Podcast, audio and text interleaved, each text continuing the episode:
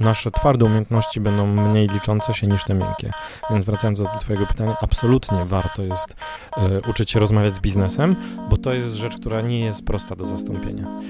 wydaje mi się, że nasza rola w przyszłości będzie polegała na tym, żeby być ekspertami, którzy umieją łączyć kropki technologiczne w możliwie najprostszy, y, najlepszy sposób, a, aby dostarczyć odpowiednią wartość dla biznesu. Właśnie dlatego studiowaliśmy IT. To jest naprawdę świetny zawód, niesamowity zawód, ponieważ e, to my mamy możliwość tworzenia rozwiązań. Cześć, witam Was bardzo serdecznie z gdańskiego Amber Expo. Byłem tutaj kilka dni temu na InfoShare i próbowałem nagrać rozmowę z Wojtkiem Ptakiem. E, próbowaliśmy też się spotkać na Segfold w Łodzi, nie udało nam się. Gdzie byłem bardzo chory. Echa tej choroby jeszcze słychać prawdopodobnie, Dziś jest mogę mieć ciekawy głos. Damy radę dzisiaj nagrać, nie? Coś. Na pewno. Jak coś, to będę za godzinę tutaj Wojtka e, reanimował. Ale dobra, dość tego wstępu. Dzisiaj chciałbym e, z Wojtkiem porozmawiać o roli CTO. E, mamy tutaj fajną miejscówkę. Chcesz, Wojtek, tutaj to ogarnąć, co tu na, na rozrabialiśmy? Jest dobrze. Mamy fajny mały stoliczek, ale trochę się chybie i nam tutaj wylewa napoje udało nam się spotkać na morfologii przywództwa i fajnie, bo dzisiaj będziemy mówić o roli CTO, a CTO to chyba trochę też taki przywódca. E, na pewno o czym też będziemy rozmawiać. Także na pewno musi to być wizjoner, możemy zdradzić. I na pewno musi być to osoba, która e, potrafi i umie wyegzekwować strategię. Ale zanim do konkretów, kilka słów o Wojtku. Cześć wszystkim. E, tak jak już wspomnieliśmy, jestem Wojtek Ptak. Zapewne w podcaście programistycznym powinienem rozpocząć od. Programuję od ósmego roku życia, a zawodowo od 14. Historia jest o tyle ciekawa, że jest to w Polsce nielegalne oczywiście, w związku z tym pierwsze umowy o pracę podpisywał mój tata. Więc e, to były dzikie, e, dzikie lata 90., więc można było takie rzeczy jeszcze robić. E, pracowałem dla kilku firm, Przeszedłem przez kilka języków programowania. Myślę, że jeżeli e, padłoby pytanie o języki programowania, e, podpowiem, że po wielu, wielu latach stwierdzam, najlepiej jest być poliglotą. E, znaczy, z jednej strony wszyscy mogą na mnie ponarzekać, a z drugiej mhm. strony ja mogę użyć dowolnego języka do zbudowania danego rozwiązania i też będzie dobrze. Natomiast przeszedłem przez kilka też ról. Od takich standardowych juniorskich przez różnego rodzaju role w zespole. W wieku mniej więcej 24 lat e, dołączyłem do firmy Making Waves, gdzie też byłem liderem pewnego zespołu. Tam też bardzo mocno wszedłem w technologię wizualizacji danych. A w wieku 25 lat założyłem, współzałożyłem firmę startup, e, w której byłem przez następne 9 lat. Budowaliśmy narzędzia na początku do lepszej sprzedaży, takiej, e, w której pomysł był taki, żeby zbudować narzędzie, które jest e, tak jakby PowerPointem wykorzystującym dane, czyli żeby slajdy były interaktywne, żeby można było załadować na przykład dane historyczne klienta i zrobić prezentację przede wszystkim sprzedażową. Więc nawet jeszcze teraz e, prezentacje sprzedażowe wyglądają tak, że jak czasami możecie zaobserwować w McDonaldzie osoby siedzące z Excelami, to to jest właśnie proces sprzedażowy e, po staremu. Natomiast my mieliśmy trochę inny pomysł. Okazało się natomiast, że jesteśmy bardzo dobrzy w integracji różnych da e, silosów danych. I tak naprawdę od pewnego momentu to był core naszego biznesu gdzie e, wchodziliśmy do korporacji, integrowaliśmy różne źródła danych, e, też mieliśmy narzędzie do świetnej wizualizacji tych danych, do wyszukiwania jakichś wzorców i tak dalej, i tak.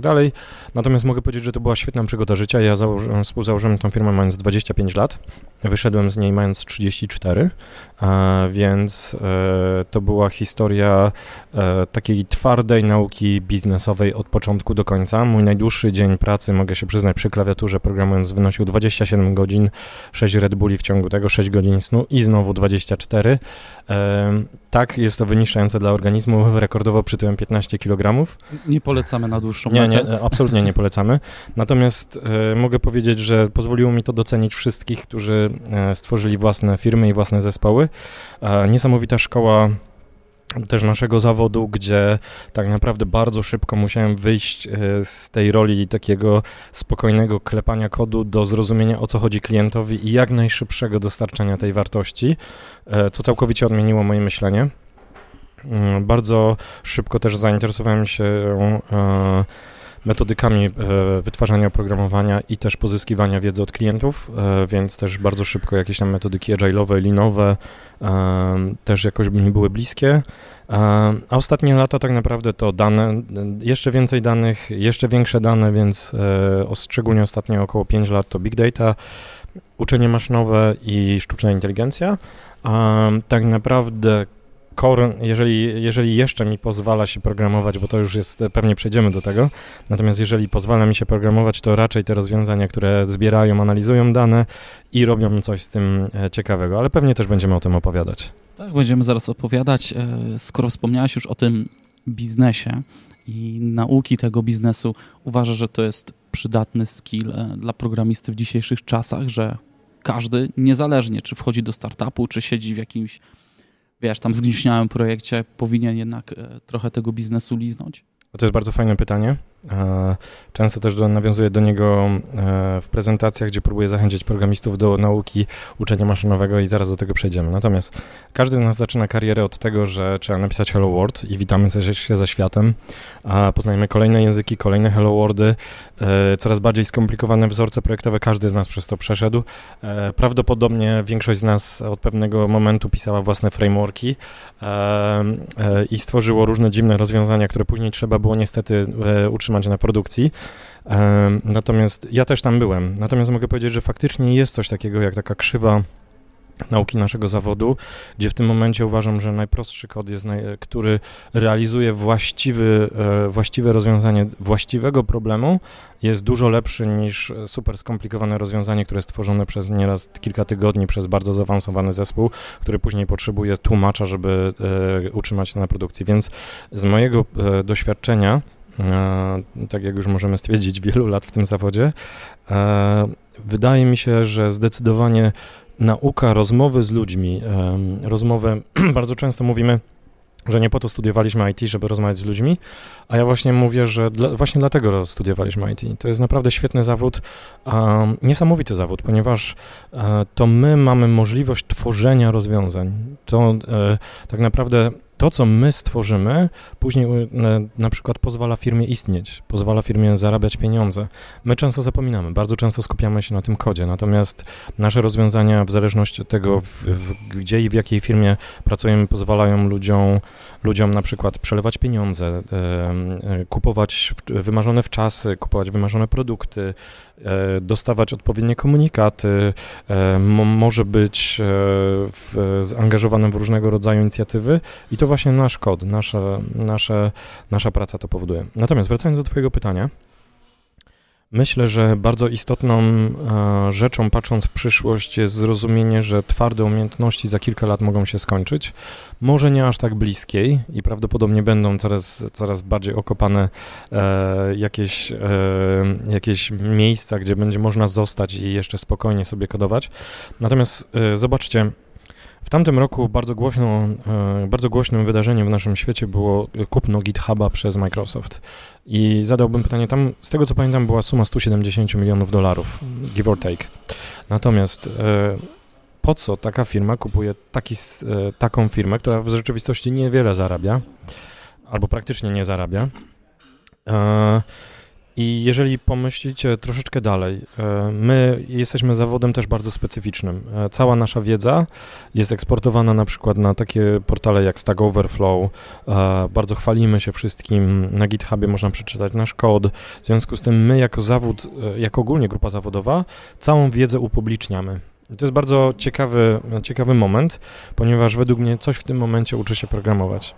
Jeżeli Microsoft inwestuje pieniądze w GitHuba, to między innymi właśnie po to, żeby mieć dostęp do olbrzymiej, nieograniczony dostęp do gigantycznej ilości kodu, a, który jest zresztą świetnie oceniony, tak? On jest ma całą historię, ma całą historię oceniania przez, naszą, przez wielką społeczność. Widać, jak on się rozwijał w czasie, jakie Widać, jak były rozwijał, błędy, jakie, jakie, były błędy, jak były poprawiane. Jak były poprawiane. E, można szukać wzorców też w tych poprawianiach, tak? Czyli na przykład nawet e, wyobraźcie sobie, ile tam jest kodu, praktycznie każdy open source'owy kod projekt jest na GitHubie. E, niby była akcja migracji na GitLaba, ale ja osobiście dalej nie znalazłem jeszcze ani jednego liczącego się do jakiegoś projektu, który ja wykorzystuję w swojej pracy, który był hostowany na GitLabie, a nie GitHubie. E, idąc dalej, ile mamy projektów enterprise'owych? E, gigantyczna ilość. GitHub jest jednak najpopularniejszą platformą do, e, jako repozytorium kodu. W związku z tym pewna firma technologiczna, która jest świetna w sztuczną inteligencję, otrzymała nieograniczony dostęp do gigantycznej ilości kodu, który jest naprawdę świetnie udokumentowany też o wzorce naszego zachowania nasze oceny. W związku z tym coś się uczy programować. Jestem zdania, że w przeciągu paru lat nasze twarde umiejętności będą mniej liczące się niż te miękkie. Więc wracając do Twojego pytania, absolutnie warto jest y, uczyć się rozmawiać z biznesem, bo to jest rzecz, która nie jest prosta do zastąpienia. Wydaje mi się, że nasza rola w przyszłości będzie polegała na tym, żeby być ekspertami, którzy umieją łączyć kropki technologiczne w możliwie najprostszy, e, najlepszy sposób, aby dostarczyć odpowiednią wartość dla biznesu. A czy to będzie zakodowane przez człowieka, prawdopodobnie najczęściej przez człowieka i maszynę, co już się dzieje, prawda, w wielu, e, w wielu narzędziach, lub przez samego człowieka, jeżeli chodzi o jakieś tam najbardziej takie e, wysublimowane elementy. Dziś pełnisz rolę CTO w firmie Freshmail. Powiedz nam trochę coś o Freshmailu. Czym się zajmujecie? Freshmail jest największą firmą w Polsce zajmującą się e-mail marketingiem, ale także wysyłką SMS-ów. W wielkim skrócie jest to platforma do budowania komunikacji e, z klientami danej marki, ale także na przykład e, słuchaczami podcastów, e, również z czytelnikami blogerów, jak i również mamy te ciekawe firmy typu Episkopat Polski, nie wiem czy to jest firma, ale na pewno organizacja, jak i również pewne firmy państwowe, które, na przykład ministerstwa, które wysyłają przykładowo do wszystkich przedsiębiorców, przedsiębiorców w Polsce zarejestrowanych w w Ministerstwie Gospodarki, e, komunikaty na przykład o zmianach w prawie lub o ciekawych konferencjach itd., tak itd. Tak w związku z tym, jeżeli jakaś firma ma potrzebę komunikacji z dużą bazą odbiorców i mieć na przykład raporty na ten temat, no właśnie korzysta z takiego narzędzia jak nasze. Zanim przejdę e, i zapytam Cię do, o to, czym konkretnie jako CTO zajmujesz się we Freshmailu, takie pytanie mam do Ciebie, bo to mi pierwsza myśl taka przyszła do głowy. Czy dzisiaj bardziej się czujesz inżynierem jeszcze, czy już może bardziej menedżerem? Czyli w którą stronę bardziej jakby tutaj odpłynąłeś? to jest o tyle dla mnie ciężkie pytanie, że ja, prawda, e, ja bym sam siebie określił jako mały chłopiec z dużymi zabawkami, może na tej zasadzie. I ja mogę powiedzieć, że przez 20 ponad lat w tym zawodzie nigdy się nie wypaliłem. Więc y, zawsze znajdowałem e, w naszym zawodzie coś fajnego, coś ciekawego, co można robić. E, ja mam niesamowitą, chyba użyję tego słowa, frajdę z, z projektów, który, w których jestem zaangażowany, jak i również tej części, jak to określiłeś, bardziej menedżerskiej, chociaż chyba tak do niej nie podchodzę, czyli na przykład opracowywania strategii dla produktu, rozmów z inwestorami potencjalnymi, zaawansowanych rozmów z dostarczycielami usług, zarządzaniem zespołem i tak. A to wszystko, to wszystko w mojej głowie składa się jako na taką jedną fajną całość roli, gdzie jesteś trochę sternikiem okrętu, e, który ma kapitana oczywiście, ale to ty trzymasz e, ten ster mhm. i to ty wiesz, jak, ten, jak tym statkiem manewrować e, przez jakieś meandry technologii i wyzwań związanych z wyprodukowaniem danego produktu. Okej, okay. to myślę, że to jest dobry moment, żeby teraz mm, e, rozwinąć ten skrót CTO i powiedzieć o podstawowych odpowiedzialnościach. Możesz na przykładzie tego, czym ty się zajmujesz we Freshmailu, albo jak to powiedzmy encyklopedycznie jest określone, kto, co to jest CTO i czym się zajmuje. To byłby, to byłby w ogóle chyba fajny pomysł, żeby zebrać e, może kilkunastu CTO z, e, z różnych e, firm różnej wielkości w Polsce i zadać im to samo pytanie, jak oni swoją rolę widzą, bo prawdopodobnie każdy z nas ją widzi troszeczkę inaczej. To jest trochę taka rola, gdzie e, w dużej mierze sami musimy określić swój zakres obowiązków. E, oczywiście e, on jest podstaw, podstawowo e, ne, najlepiej wynegocjowany razem z zespołem, najczęściej IT, bo za niego City odpowiada, jak i również resztą firmy, jak i zarządem. Także to, to jest pierwsza rzecz, ale już szczegóły bardzo często zależą od nas, tak? I głębia, w jaką się angażujemy w dany, w dany zakres obowiązków. To jest trochę taka rola, że odpowiadamy za wszystko i nic, jak to mówią, ale jednym z, e, ale dzięki temu wszystkiemu to jakoś się trzyma i e, zapewniamy całość, czyli z jednej strony zapewniamy ja przynajmniej tak czuję, że odpowiadam za odpowiednią kulturę pracy zespołu, to przede wszystkim za odpowiednie umiejętności, ich rozwój, e, za e, upewnienie się, że nowe technologie są przez nas dostrzegane w odpowiedni sposób, odmiennie testowane, e, odpowiednio z nich rezygnujemy wcześniej lub faktycznie w nie wchodzimy, że zespół rozwija coraz bardziej swój warsztat zarówno deweloperski, jak i na przykład z, nie tylko, bo związany z, z tematami takimi jak użyteczność, user experience, analiza danych przykładowo, więc to wszystko to wszystko czuję, że jest jak najbardziej moją odpowiedzialnością. Bardzo ważną częścią e, mojej pracy jest też motywowanie zespołu, czyli zapewnienie wizji tego, do, dokąd zmierzamy jako zespół, jako firma technologiczna produktowa, jakiego typu rozwiązania będziemy stosować. To jest jednak bardzo ważna część naszego zawodu. Wiele osób bardzo mocno na to zwraca uwagę, tak? Czyli co, czego będę mógł się nauczyć za pół roku, za rok, za dwa, za trzy, gdzie będę. To myślę, że to jest jak najbardziej moja odpowiedzialność. Też nawiązywanie kontaktów, zapewnienie, że wokół firmy są odpowiedni eksperci, którzy zawsze mogą e, zapewnić e, nam dostęp do wiedzy odpowiedniej. E, no ale to jest też e, właśnie ta cała część zarządzania, czyli zarządzania przede wszystkim produktem, strategią i e, egzekwowanie. Nie powiedziałbym, że ja osobiście czuję się odpowiedzialny za taką no, strategię do trzech miesięcy, raczej od trzech miesięcy dalej. Natomiast są projekty, gdzie jestem zaangażowany w, w aktualne prace nad nimi. Czyli taki trochę wizjoner, big thinker? Coś, coś w tym stylu? Trochę tak i w pewnym sensie chyba jest to ukoronowanie e, kariery programisty i tego, co każdy z nas by chciał robić, bo mm, e, to też wymaga chyba wiele pokory, ja bym powiedział, e, bo dostajemy do ręki nieraz bardzo skomplikowany produkt. E, Freshmail to jest bardzo wiele modułów, e, kilkadziesiąt modułów roz, rozrzuconych po kilkuset serwerach e, i zaczynasz za niego odpowiadać.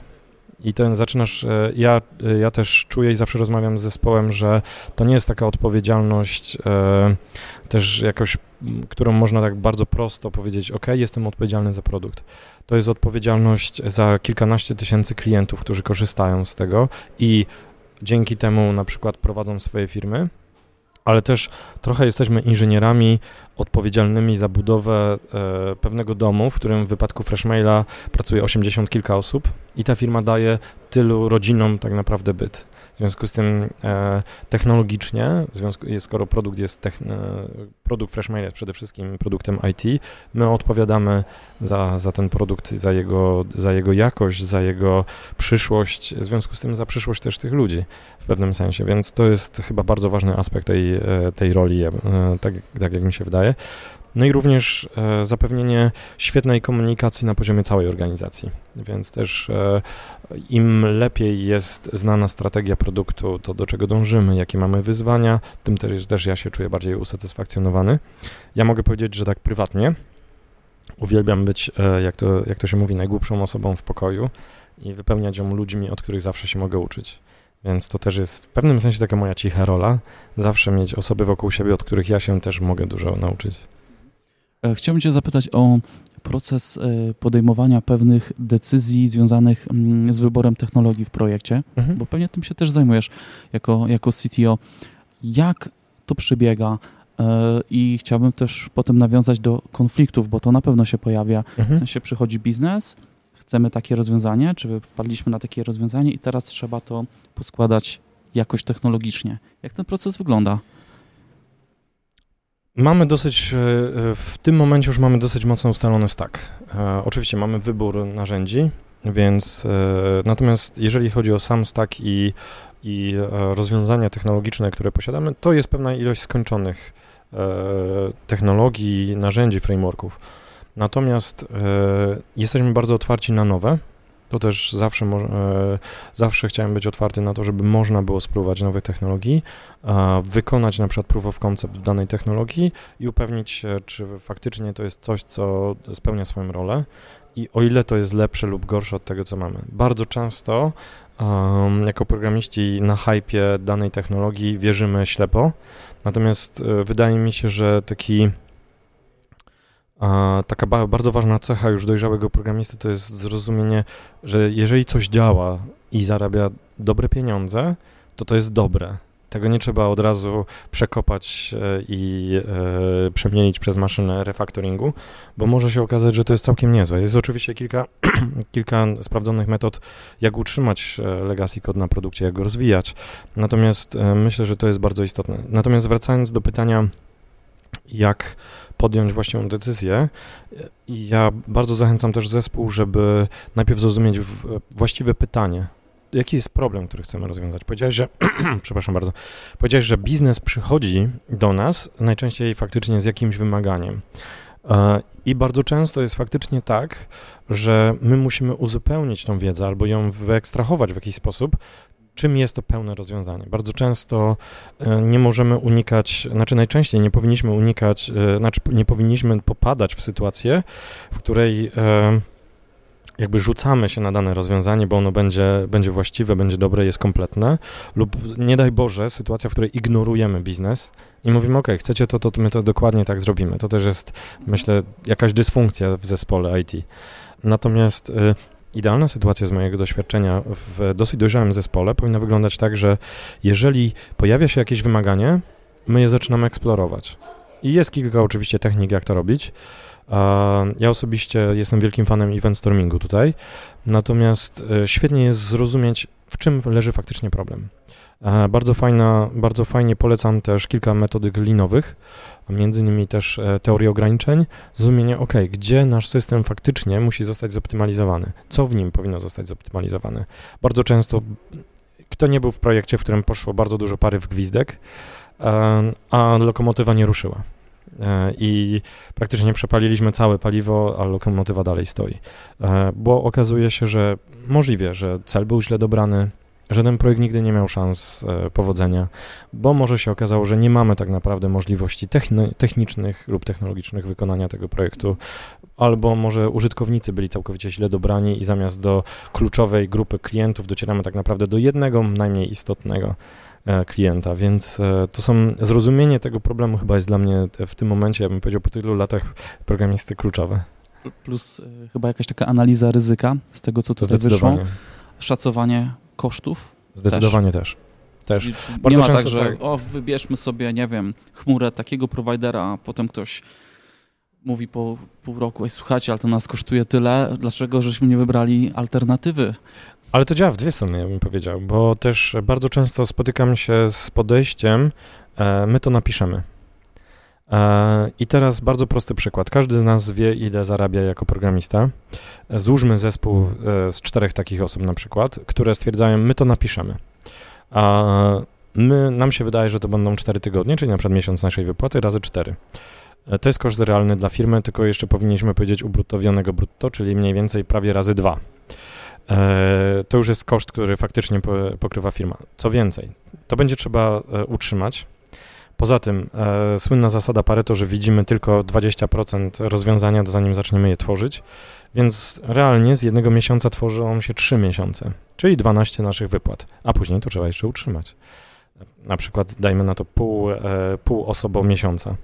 E, to są decyzje, które na przykład ja widzę z drugiej strony. I okazuje się, że proste rozwiązanie, które my chcemy napisać w zespole, kosztuje firmę na przykład kilka, więcej niż 100 tysięcy złotych bardzo prosty sposób, bo jeden zespół wpadł na pomysł, że to się da otworzyć. Teraz zobaczcie z drugiej strony, jak często można zakupić gotowe rozwiązanie, które będzie utrzymywane przez danego dan prowajdera danej usługi lub rozwiązania i nie będziemy mieli z tym żadnych kłopotów, to będzie działało, to będzie prawdopodobnie rozwijane e, zgodnie z naszymi prośbami, jeżeli dobrze i mądrze pokierujemy decyzję. W związku z tym ja bym też powiedział, to jest też umiejętność podjęcia decyzji, kiedy warto coś tworzyć. I e, z mojego doświadczenia najlepiej jest odpowiedzieć sobie na pytanie, co jest naszą korową domeną.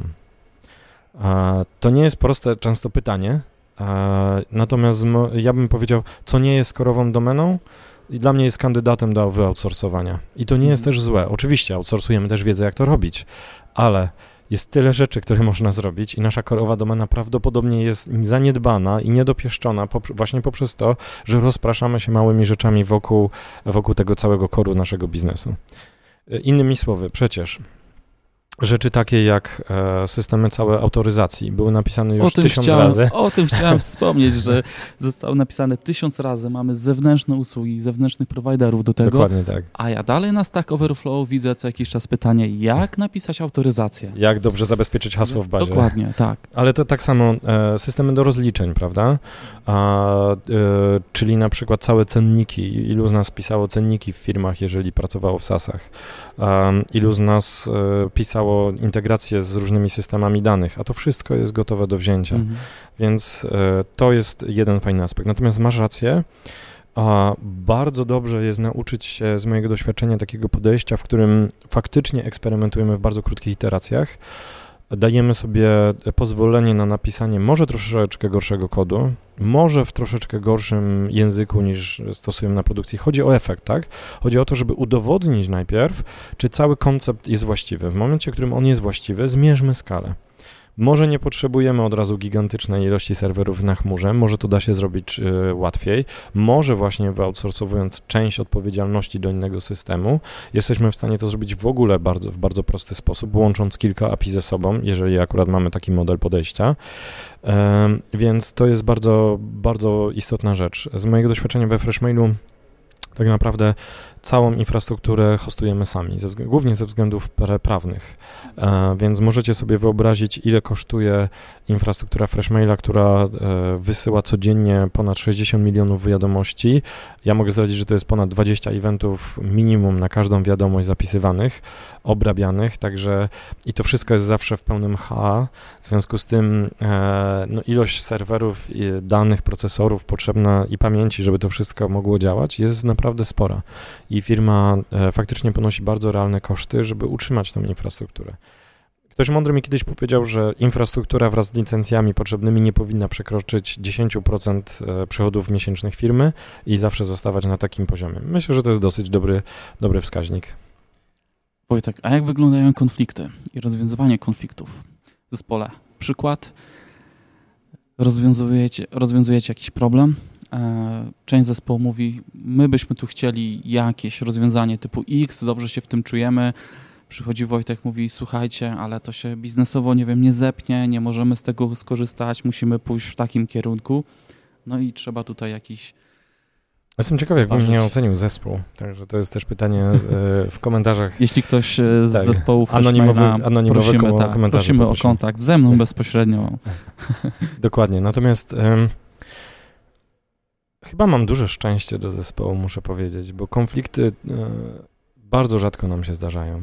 I takie e, na przykład otwarte to już nie pamiętam, kiedy faktycznie mieliśmy taki konflikt. E, muszę powiedzieć, że jestem strasznie dumny ze swojego zespołu. Jest to bardzo, bardzo dojrzały zespół, który niesamowicie biznesowo też potrafi myśleć i zadawać sobie bardzo właściwe pytania, czy identyfikować właściwe problemy.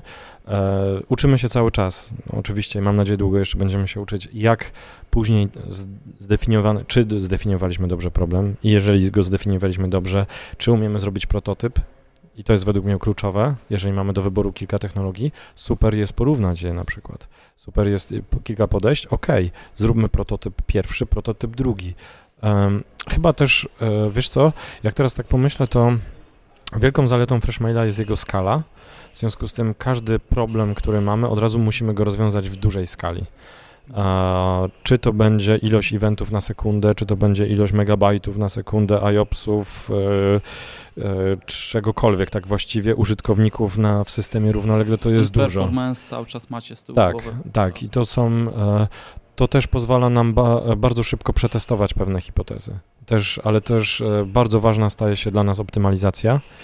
Więc mogę powiedzieć, że mam wielkie szczęście też, że w naszym zespole są osoby, które naprawdę są dobre w tym, świetne i potrafią to robić na bardzo wysokim poziomie. A ja bym się chciał zapytać, czego tak personalnie, jako, jako Wojtek, dostarczasz zespołowi na co dzień? Co im się starasz przekazać? ja dołączyłem do zespołu Freshmail jako konsultant e, Big Data i uczenia maszynowego, natomiast e, pomogłem zespołowi zbudować kulturę pracy bardzo mocno opartą o metodyki agile'owe, zwinne, gdzie coraz większy nacisk kładzie się na zrozumienie problemów faktycznych do rozwiązania, e, potrzeb e, użytkowników i rozwiązywania ich w jak najbardziej użyteczny i przyjazny dla nich sposób, zarówno zachowując e, moją oryginalną część tej, skąd się za, zaczęła przygoda z Freshmailem, czyli Big Data, a, więc myślę, że z jednej strony m, przynoszę do zespołu swoje doświadczenie, to jest też już 20 lat doświadczenia w IT, E, z niejednego pieca chleb jadłem, jak to się mówi. Wiele widziałem udanych, ale też bardzo wiele nieudanych e, projektów. Sam do wielu się przyczyniłem na całe szczęście, e, bo człowiek najlepiej się uczy na własnych błędach. Myślę, że też przynoszę dosyć dużo spokoju. Jestem chyba dosyć spokojnym i wyważonym człowiekiem, który jednak jest takim chłopczykiem, który jak widzi fajny projekt, to aż zaciera ręce i wie, że no, będzie się fajnie działo, więc myślę, że z drugiej strony też dużo potrafi przynieść entuzjazmu i e, jeżeli chodzi o naszą pracę, e, zobaczenie jakiejś szerszej perspektywy, bardzo e, pracuję z zespołem nad tym, żeby wypracować strategię naszego produktu, gdzie on będzie, żeby to była strategia naprawdę atrakcyjna. Mm, bo też mamy jakieś oryginalne e, pomysły na to, jak można nasz e, produkt rozwijać, co tam się będzie działo, jak w ogóle też, e, jak wcześniej wspomniałem, mam też pewien pomysł na to, kim jest programista w przyszłości i też staram się zarazić ten zespół tym, także między innymi warsztatami prowadzonymi wewnątrz firmy, szkoleniami, także cyklami szkoleń z, i warsztatów z osobami zewnętrznymi, także mamy inicjatywę, którą nazwaliśmy Refresh, czyli na przykład mniej więcej, te, teraz akurat ją zapauzowaliśmy, natomiast e, mniej więcej co kwartał do pół roku spotykamy się z kilkoma bardzo uznanymi autorytetami w świecie IT. Mój pomysł też polegał na tym, żeby pokazać bardzo różne osoby, pracujące, znane z tego, co robią, mhm. natomiast pracujące może w różnych technologiach innych niż nasze, albo nad innymi problemami lub nad podobnymi problemami w inny sposób, tak żeby jak najszerszą perspektywę przynieść do zespołu i żeby zespół faktycznie nie zamykał się w pewnej bańce swoich technologii, swoich rozwiązań, ale całkowicie e, umiał skorzystać z, całe, z całego szerokiego wachlarza. Mhm. E, te spotkania to są u Was wewnątrzfirmowe, tak? Te osoby, które się pojawiają? Pomysł był taki, żeby wyrwać cały zespół IT Aha. z firmy, wyjść na cały dzień w jakieś fajne miejsce, salę konferencyjną lub pub, e, spotkać się, e, zrobić jakieś fajne warsztaty, e, a później iść z tymi osobami na piwo. Więc też mogę zdradzić, że wszyscy eksperci zawsze byli proszeni o to, żeby zostać po godzinach, i ja się odsuwałem całkowicie w, w, cień, to często są moi jacyś znajomi e, i prosiłem, żeby odpowiadali na wszystkie pytania, jakie tylko są, tak żeby mhm. można było na przykład spytać eksperta typu Jarek Pałka, e, słuchaj, jak się robi pewną rzecz. I Jarek, jak znacie Jarka, bardzo chętnie odpowiada na wszystkie pytania. Tak. E, dobrze, że poruszyliśmy tę kwestię, bo e, jedno z pytań od słuchaczy, które zanotowałem dokładnie Radek Maziarka. Pytał się... Pozdrowienia do Radka. Tak. E, jaki jest najlepszy sposób, żeby uczyć całej firmy? Mm, on tu wspomniał o ML i AI, ale myślę, że możemy przypiąć to, że każdą wiedzę, czyli jak możemy uczyć e, czegoś w firmie, czy to są duże warsztaty, mniejszy, a constant learning, czy praca, tu też chodzi o analizę, pewnie praca na danych z własnej firmy, czy jednak jakieś gotowe zbiory. To w kontekście AI, ale może uchwyćmy to w takim szerszym kontekście, jak właśnie tą wiedzę, wiesz, poszerzać w zespole i ją wnosić. Ja bym e, podkreślił, że wszystkie warsztaty, jakie warto prowadzić w a warto, należy oprzeć o e, własne case'y. To jest e, praktyczne. Chodzi o to, żeby tą wiedzę można było od razu wziąć i wykorzystać w codziennej pracy, żeby to nie była oderwana praca. Więc e, mówiąc na przykład o technikach analizy wymagań biznesowych, warto od razu po warsztatach wzi e, wziąć, zorganizować realne war mhm. warsztaty, może już z całą firmą, ale na realnym projekcie. Tak samo, jeżeli chodzi o, mamy inicjatywę właśnie FreshDS, czyli uczenie całej organizacji uczenia maszynowego i sztucznej inteligencji, analizy danych, wizualizacji. Chodzi o to, aby faktycznie ta wiedza e, była e, możliwa do użycia w projektach już od samego początku. Czyli od najprostszych, e, od najprostszych zagadnień, żeby to były projekty, które są umocowane w domenie biznesowej naszego produktu. Cały produkt e, jest z reguły bardzo skomplikowany, tak? więc mamy różne aspekty tego, tego systemu. I chodzi o to, żeby różnego rodzaju przykłady, które będziemy zawierać, były jednak gdzieś e, zakotwiczone w tym, co będziemy robić. Czyli przykładowo, jeżeli chodzi o Freshmaila, jednym z, z przykładów jest to, e, jak określić, jak zbudować model uczenia maszynowego, który określa, czy wiadomość jest phishingiem, albo czy wiadomość jest spamem, albo jak przewidzieć e, przychód z klienta. To są bardzo fajne zagadnienia. E, analiza obrazu tak samo. W związku z tym, e, odpowiadając na pytanie Radka, wydaje mi się, że warto s, e, spojrzeć na to e, z takiej perspektywy, żeby zawsze upewnić się, że to jest umocowane w domenie firmy. Z drugiej strony warto od razu z, e, obserwować osoby, które bardzo się pas zaczynają pasjonować danym tematem i e, może to powiem brzydko, ale korzystać z ich pomocy, żeby stali się takimi czempionami dane, danego, danej technologii, narzędzia, metodyki e, lub danej wiedzy. I one, one same w pewnym momencie też nam pomogą napędzić e, propagację tej wiedzy w całej organizacji. Muszę przyznać, że uczenie całej organizacji czegoś samemu jest bardzo ciężkie. I we Freshmailu e, miałem to szczęście, że na przykład jeżeli wspomnieliśmy o Agile'u samym, to trafiło na bardzo podatny grunt e, kilku osób, które e, bardzo mocno przechwyciły temat. Pozdrowienia tutaj dla Marcina i Karoliny i stały się ewangelistami metodyk zwinnych w całej organizacji i to one teraz tak naprawdę przejęły pałeczkę i coachują całą organizację, jak to robić. Jeżeli chodzi o pewne technologie, to też pozdrowienia dla wszystkich moich, moich architektów z mojego zespołu i doświadczonych programistów, którzy wzięli to wszystko i zaczęli faktycznie wdrażać uczyć kolejne osoby.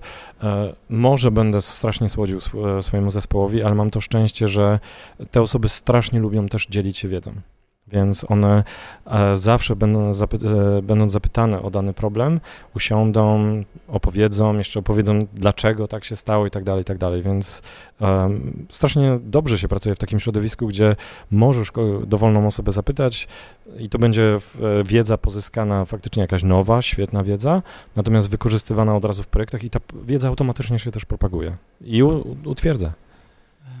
Ale są też zespoły środowiska, które nie wyglądają tak różowo jak twoje, gdzie ludzie niechętnie dzielą się wiedzą, nie wiadomo tak naprawdę, jaką rolę pełnią, nie rozmawiają ze sobą. Jakbyś tam wszedł i chciał przeprowadzić taką małą rewolucję, od czego byś zaczął? Zadania pytania, dlaczego my tu pracujemy. I to tak całkiem, całkiem serio, bo wydaje mi się, że kurczę, życie jest krótkie i fajnie zrobić naprawdę dobre, ciekawe rzeczy, więc jeżeli pracujemy w tym zawodzie i nie możemy stworzyć e, środowiska, w którym pracujemy nad dobrymi projektami, możemy się uczyć od siebie, e, często mamy konflikty w zespole, może jesteśmy sfrustrowani, to ja bym sobie zadał pytanie, ok, co tu się wydarzyło i dlaczego?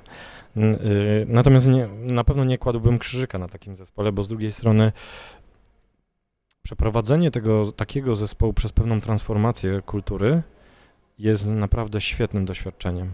I z drugiej strony też jest świetną, e, e, świetną przygodą. Z jednej strony przygodą dla całego zespołu, ale na pewno jest gigantycznym doświadczeniem dla menadżera na przykład, dla team lidera, dla osób zaangażowanych e, w tym projekcie. Więc jeżeli tylko trafimy na grunt zespołu, który chce się, chce się zmienić, chce faktycznie stworzyć pewną kulturę, to tylko nic, tylko działać i, i uczyć się. To naprawdę najlepiej się nauczymy wtedy pewnych rzeczy, czym jest metodyka zwinna, jeżeli będziemy musieli nauczyć pewien zespół tego wszystkiego i go zarazić tym wszystkim i zobaczyć, że to później działa, a niesamowicie satysfakcjonujące mogę powiedzieć jest to, jeżeli zobaczycie, że w to, co wierzyliście i w to, w czym pracowaliście dotychczas, uczyliście pewne osoby i one to wzięły dalej i widzicie bardzo dużo podstaw tego wszystkiego w, w, ich na przykład języku, w ich e, pracy codziennej, e, waszych własnych podstaw, ale one to jeszcze zabrały dalej. To jest niesamowite, niesamowicie fajne i satysfakcjonujące.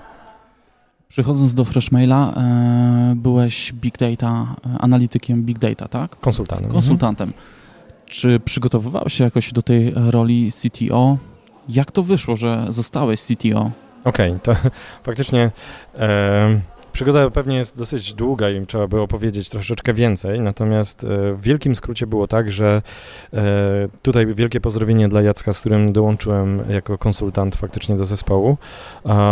Zbudowaliśmy pierwsze rozwiązania, natomiast zauważyliśmy kilka dysfunkcji w zespole i zastanawiałem się, jak pracować z zespołem bo z jednej strony nie czułem się jego pełnoprawnym członkiem, z drugiej strony widziałem pewne elementy, które na pewno wartałoby poprawić, e, nad którymi warto popracować, e, usprawnić, e, wprowadzić może pewne metodyki, narzędzia, i, które są sprawdzone, bo wiemy, że, że działały i co można zrobić dalej. Zastanawiałem się długo, co z tym zrobić, po czym tak naprawdę historia była taka, że usiadłem z zarządem i z osobą, która była wtedy Scrum Masterem, chciałem im powiedzieć, dlaczego nie warto tracić e, dwóch trzecich dnia, żeby estymować w godzinach i że to można zastąpić czasami przy takim, e, przy takim sposobie pracy kostką, zwykłą kostką, może dwudziestościenną, jeżeli ktoś lubi i prawdopodobieństwo będzie dokładnie takie samo, ale oszczędność czasu bardzo duża.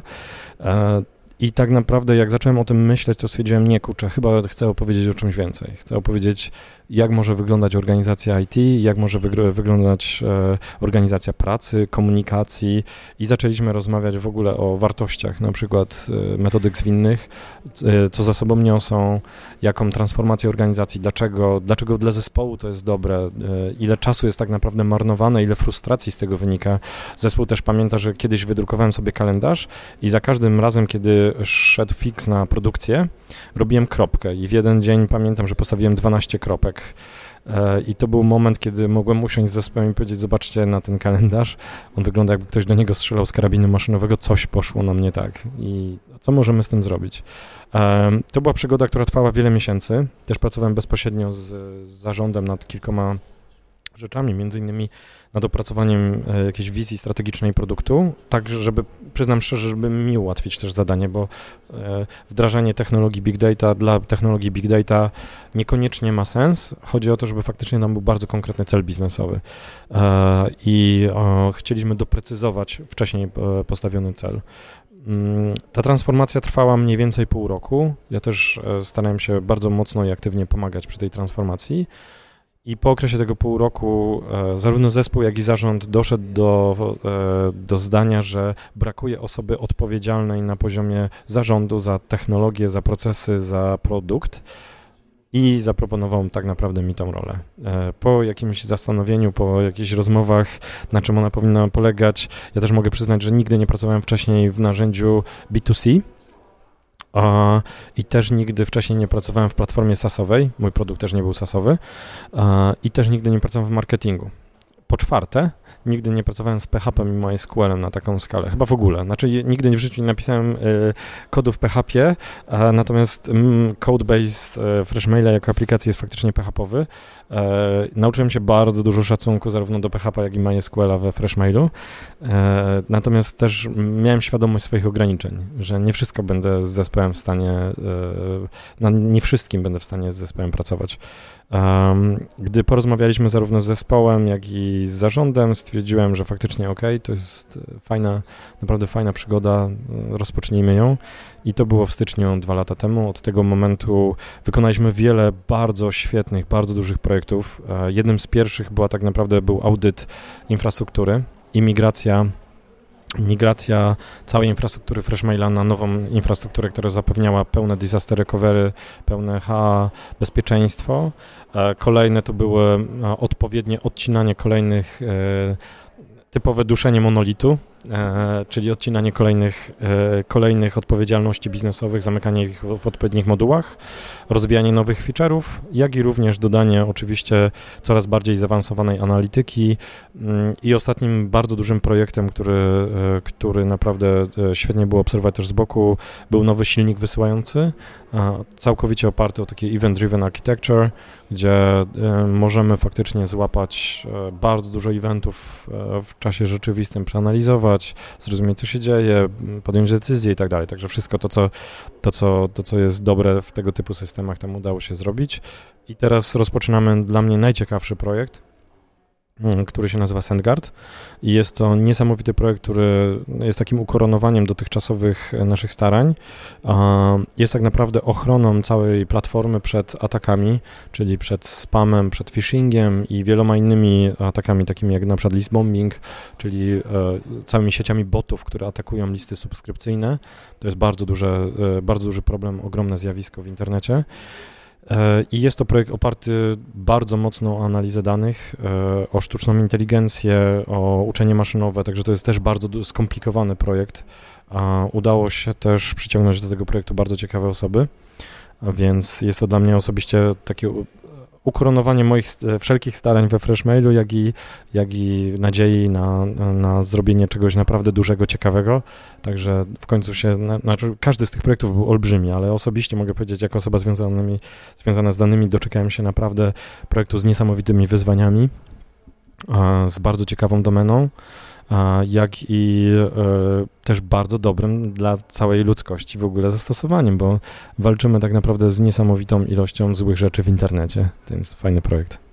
Specjalnie zadałem to pytanie o Twoją drogę do tego, do roli CTO, bo myślę tutaj o osobach, które aspirują do tej roli.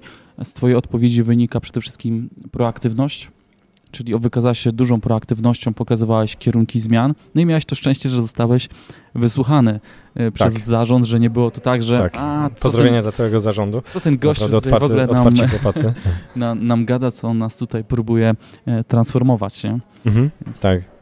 A skąd, y, skąd czerpiesz, albo w, na tamtym etapie, skąd czerpałeś wiedzę, skąd czerpałeś te dobre wzorce, praktyki, chodzi o, o, o wyznaczanie tego kierunku zmian? Mm, z jednej strony myślę, że nie można ukryć, że to jest rola, która wymaga już doświadczenia i pokory, które się nabiera z doświadczeniem. E, z drugiej strony e, jest to faktycznie ciągła chęć rozwijania się. Więc e, myśląc o tej roli, myślę, że właśnie otworzyliśmy sobie furtkę do ciągłego rozwijania się i też zrozumienia od tego momentu nie będziemy już mieli tyle czasu na programowanie. Trochę naszym celem będzie to, żeby być nie być najlepszym programistą w zespole faktycznie, tylko dać, e, dać pole innym, też e, w tym sensie, żeby nie narzucać swoich rozwiązań, bo niejednokrotnie będziemy myśleli, kurczę, bym to zrobił szybciej, ale to nie o to chodzi. Chodzi o to, żeby nauczyć zespół faktycznie e, nowych rzeczy, żeby ten zespół sam to zrobił, żeby mógł to później sam robić. Też kształtowanie liderów to jest też świetna rzecz. Natomiast wracając do Twojego pytania, myślę, że mam ogromne szczęście do bycia otoczonym też niesamowitymi ludźmi. A, także polecam zawsze dbanie o networking, to jest niesamowita moc. Posiadanie bardzo wielu fajnych kontaktów, gdzie wiecie, że możecie zadzwonić do kolegi, bo on w firmie X pracował dokładnie nad tym samym, albo był w takim samym projekcie i rozwiązali to, e, już to rozwiązali, więc możemy się zainspirować, jest niesamowite. Całe, ciągłe, myślę, czytanie książek, ciągłe e, kształcenie się na kursach, e, na konferencjach, inspirowanie się właśnie na konferencjach, jakieś warsztaty, też konferencje międzynarodowe. Ja muszę przyznać, że Freshman jest też moją pierwszą polską firmą, w której ja pracuję. W związku z tym to też było coś dla mnie nowego. Natomiast dotychczas bardzo ceniłem sobie e, wybijanie się z takiego schematu cały czas i na przykład uczestniczenie w międzynarodowych konferencjach po to, żeby się poczuć jednym z tych najmniejszych i móc wiedzieć, ok, to muszę być tam. I takie utrzymanie cały czas ciągłe tego jest niesamowicie wartościowe w naszym zespole. Czyli e, powiedziałbym, że mm, ta pokora, o której wspomnieliśmy, powinna też dążyć do tego, żeby zrozumieć, ok, jestem tu i może rynek na przykład pracy mówi nam, już jesteś wysoko, ale zrozumieć, nie, mogę zawsze być wyżej, mogę być jeszcze lepszy, mogę jeszcze więcej zrobić dla swojego zespołu, dla swojej firmy, dla siebie samego. Mhm. Tutaj y, myślę, że chłopaki, część słuchaczy, y, nie wiem kto to pytał, o rekomendacje. Myślę, że chodziło o książkowe rekomendacje. Jeśli teraz tak nie możesz, wiesz, z głowy powiedzieć kilku takich, które takie, wiesz, top 5 E, CTO, to możemy też w notatkach na pewno umieścimy. To bardzo chętnie. E, I ja myślę, że podzi warto podzielić je na kilka aspektów, bo na pewno są, są aspekty technologiczne, o których warto, e, warto wiedzieć, jak i aspekty miękkie, jak i kompetencji własnych miękkich, jak i kompetencji interpersonalnych e, i zarządzania na przykład zespołem, organizacji pracy itd., tak itd. Tak Więc jest kilka pozycji, które zdecydowanie e, bardzo chętnie polecę e, i które, do których będzie można sięgnąć. Myślę, że też napiszę kilka zdań, dlaczego daną książkę bym polecił.